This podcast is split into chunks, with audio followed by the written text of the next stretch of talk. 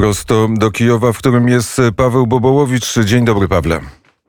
Dzień dobry, witam serdecznie. A wczoraj w Kijowie... I zaczniemy nie od konfliktu, tylko zaczniemy od e, może bardziej pozytywnych wydarzeń, jeżeli pozwolisz, bo wczoraj, 29 kwietnia na Ukrainie z jednodniową wizytą przebywał wicepremier, minister rozwoju, pracy i technologii Jarosław Gowin. Wicepremier spotkał się z premierem Ukrainy Denisem Szmychalem i tutaj rzeczywiście w tych rozmowach e, pojawiał się też wątek e, wojny i polskiego wsparcia dla Ukrainy, ale było też spotkanie z ministrem rozwoju gospodarki, handlu i rolnictwa Ichorem Petraszko, a także z przedstawicielami przedstawicielami polskich przedsiębiorców na Ukrainie, bo właśnie tematy gospodarcze to były główne tematy tej wizyty. I pierwszy raz od czterech lat odbyło się plenarne posiedzenie Polsko-Ukraińskiej Komisji Międzyrządowej do spraw współpracy gospodarczej. Wicepremier Gowin ocenił rezultaty wizyty w specjalnym komentarzu dla Radia Wnet. Posłuchajmy. Po raz pierwszy od czterech lat y, spotkała się komisja międzyrządowa. O, o, omówiliśmy właściwie całą agendę stosunków gospodarczych polsko-ukraińskich. Zdiagnozowaliśmy wszystkie problemy, ale dla mnie ważny był, ważny był też ten ostatni akord y, mojego pobytu, czyli spotkanie z polskimi przedsiębiorcami inwestującymi tutaj w, na Ukrainie. To jest y, kraj no, trochę z punktu widzenia polskiego w eksportu i też inwestycji kraj ciągle jeszcze niewykorzystanych, trudnych, wiadomo, szans, ale rozmawialiśmy o tym, w jaki sposób e, państwo może konkretnie wesprzeć e, polskich inwestorów, pomagać im udrażniać, e, chronić przed przypadkami nieuczciwej konkurencji. Jestem przekonany, że ta wizyta i rozmowy nie tylko moje, ale rozmowy przedstawicieli większości ministerstw z naszymi ukraińskimi odpowiednikami przełoży się na konkretne korzyści dla polskiej gospodarki. Wiadomo, że rozmawiano też innymi o kwestiach energetycznych. Wicepremier Gowin stwierdził również, że w rozmowach z przedstawicielami Ukrainy był podniesiony temat kwestii Nord Stream 2 i w tej sprawie Polska i Ukraina mówią wspólnym głosem. No i przypomnę, że ta wizyta to jest e, kolejna wizyta w ostatnich tygodniach na bardzo wysokim szczeblu pomiędzy Polską i Ukrainą. E, ten cykl wizyt rozpoczęła wizyta profesora Zbigniewa Rała, ministra spraw zagranicznych Polski. Później była wizyta wizyta, którą szczegółowo relacjonowaliśmy w ramach Trójkąta Lubelskiego wicemarszałek Sejmu Małgorzaty e, Gosiewskiej, a 3 maja w Polsce będzie gościł prezydent Wołodymyr Zełański. Przyjedzie do Polski oczywiście z okazji 230. rocznicy uchwalenia Konstytucji 3 maja, ale przypomnę też, że przy tej okazji, przy tej okazji i o tym też mówią ukraińskie media, 24 sierpnia prezydent Andrzej Duda uda się na Ukrainę nie tylko z okazji Dnia Niepodległości Ukrainy, ale też e, żeby wziąć udział w bardzo ważnej Mm, inicjatywie Platformie Krymskiej kraje Zachodu, ale nie tylko Zachodu, być może też Rosji, bo zaproszenie też jest otwarte dla Rosji, mają dyskutować o przyszłości Krymu i jak, co z Krymem mm, będzie dalej, jak będzie to wyglądało też w kwestii konfliktu e, ukraińsko-rosyjskiego. A w przyszłym tygodniu, właśnie patrząc na te sprawy związane z konfliktem i z tym, co dzieje się na wschodzie, odwiedzi z kolei Ukrainę sekretarz stan, stanu Stanów Zjednoczonych Antony Blinken. W wywiadzie dla CBS już zapowiedział, powiedział, że ta wizyta dotyczy właśnie kwestii bezpieczeństwa.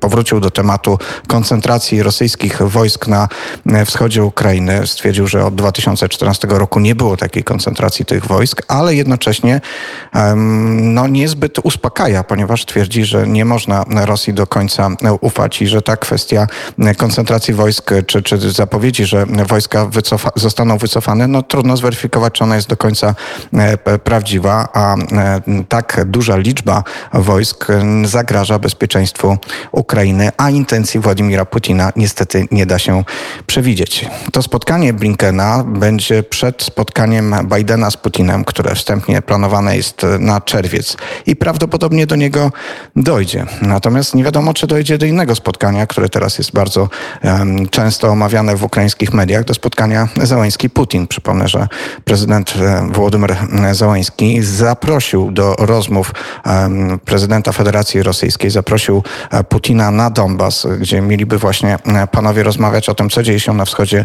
Ukrainy. Na to padła odpowiedź z Moskwy. E, Putin stwierdził, że zaprasza prezydenta Ukrainy do Moskwy i od razu stwierdził, że o Donbasie nie zamierza rozmawiać, że o Donbasie powinien rozmawiać Wołodymyr Zełenski z przedstawicielami tak zwanych republik, czyli tych organizmów, które faktycznie są podporządkowane Federacji Rosyjskiej. Prezydent Zełenski w wywiadzie dla włoskiej La Repubblica stwierdził z kolei, że spotkanie z Putinem mogłoby się odbyć w Watykanie, nazywając przy okazji papieża prorokiem pokoju, zwracając uwagę na szczególną rolę Watykanu w procesach pokojowych. Rozmowy z Watykanem ze strony ukraińskiej według, według ukraińskich mediów toczyły się i Watykan jest gotowy podjąć się takiej misji. Jednak znowu rzecznik Kremla w tym przypadku stwierdził, że taka propozycja w ogóle nie została przedstawiona i odciął się od tego, że e, mogłoby dojść do takiego spotkania w Watykanie. Zresztą pojawiają się też inne propozycje możliwych miejsc spotkania prezydentów Rosji i Ukrainy, między innymi Turcja, wczoraj był omawiany e, pomysł spotkania w Izraelu. O tym mówił pierwszy prezydent e, Ukrainy Leonid Krawczuk. No a ja może jeszcze przypomnę, że w tym kontekście tego konfliktu na wschodzie, który wcale tak do końca nie, nie wygasł, Parlament Europejski przyjął rezolucję antyrosyjską, tak jest ona nazywana w ukraińskich mediach. Mówiąc, w tej rezolucji jest informacja, że jeżeli dojdzie do bezpośredniej interwencji rosyjskiej na terenie Ukrainy, ma nastąpić wstrzymanie e, importu rosyjskiej ropy i gazu do krajów Unii Europejskiej, a przede wszystkim odłączenie Rosji od bankowego systemu e, SWIFT i nałożenie kolejnych sankcji na oligarchów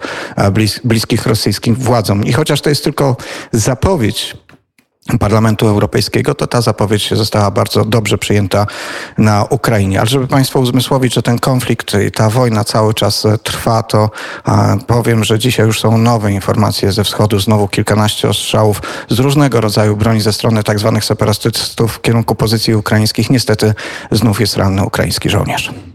Wrócę na chwilę do wizyty wicepremiera Jarosława Gowina. E, kiedy w Kijowie był prezydent Andrzej Duda, podpisano ważną umowę między e, PGNiG a jednym z przedsiębiorstw ukraińskich. E, czy ta umowa weszła w życie? Czy coś się z tą inwestycją polską dzieje?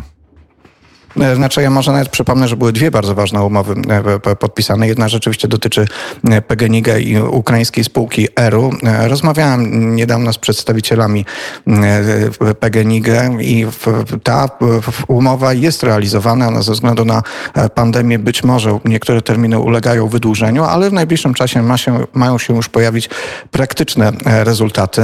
Druga umowa to właściwie wtedy to nie była umowa, tylko takie specjalne oświadczenie dla Polski, które umożliwia umożliwiało Polsce e, branie udziału w e, procesie prywatyzacyjnym na Ukrainie i ten temat powraca i prawdopodobnie rzeczywiście e, ta umowa będzie realizowana. W, czasie wczorajszej wizyty ciężko doszukać się jednak takich praktycznych odwołań do tych dwóch umów. Raczej to była taka wizyta więcej deklaracji niż jakichś konkretów, chociaż sam fakt posiedzenia tej wspólnej komisji ekonomicznej polsko-ukraińskiej pierwszy raz w, od czterech lat jest faktem istotnym, bo co prawda wczoraj to taki moment, kiedy to posiedzenie odbywa się na najwyższym szczeblu, ale później jednak ono powinno się przekładać na praktyczną współpracę już podmiotów gospodarczych, czy też e, współpracę organów państwowych. I to zresztą było słychać wczoraj na tym spotkaniu e, z polskimi przedsiębiorcami. Zresztą to było też, padło tam wiele gorzkich e, stwierdzeń pod kątem szczególnie Ukrainy dotyczących no, pewnych problemów, jeśli chodzi o inwestowanie, też kwestii korupcji, które wciąż są obecne, ale też polscy przedsiębiorcy na przykład wczoraj podnieśli taką kwestię dosyć problematyczną, mówiąc o tym, że polscy przedsiębiorcy, którzy są na Ukrainie, nie mogli korzystać z żadnych osłon antykowidowych, e, które mogły z kolei, e, z których mogły korzystać polskie przedsiębiorstwa w kraju. No i zwracając uwagę na to, że znalazły się w dosyć e, skomplikowanej sytuacji, no ale właśnie sam fakt zafunkcjonowania tej komisji po tylu latach dowodzi tego, że być może takie problemy szczegółowe też będą e, omawiane. A jeśli chodzi o sprawy energetyczne, to już wkrótce będziemy na pewno dla Państwa mieli e, dobre i ciekawe informacje, ale musimy poczekać do 20 maja.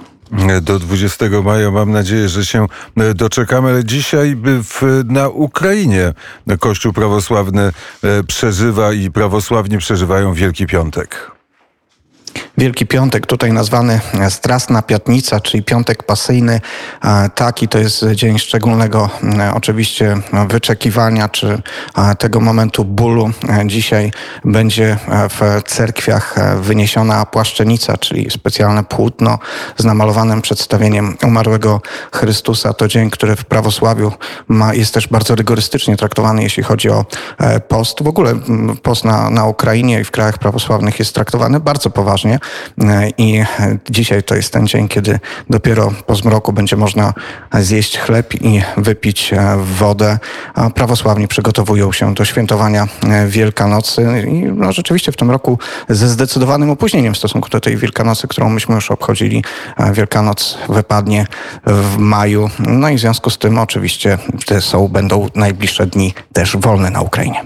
Ale możemy e, wszystkim tym, którzy dzisiaj przeżywają Wielki Piątek, e, złożyć e, życzenia wielkanocne, żeby im się wiodło w, w życiu i żeby nie zapomnieli o tym, czym jest nasza wspólna wiara. Bardzo serdecznie, Paweł, dziękuję Ci za korespondencję z Kijowa. To jeżeli pozwolisz, bo ja oczywiście zapraszam jeszcze do słuchania programu wschodniego i jutro święta wielkanocne, wschodnie święta wielkanocne też będą miały specjalny wymiar w programie wschodnim. Specjalnym gościem będzie teraz Kompaniczenko ze swoją bandurą i o świętach wielkanocnych na wschodzie będzie opowiadać. Paweł Bobołowicz prosto z Kijowa. Przenosimy się z powrotem na krakowskie przedmieście 79. Jest godzina 7.27 i o wolności zaśpiewają chłopcy z Placu Broni.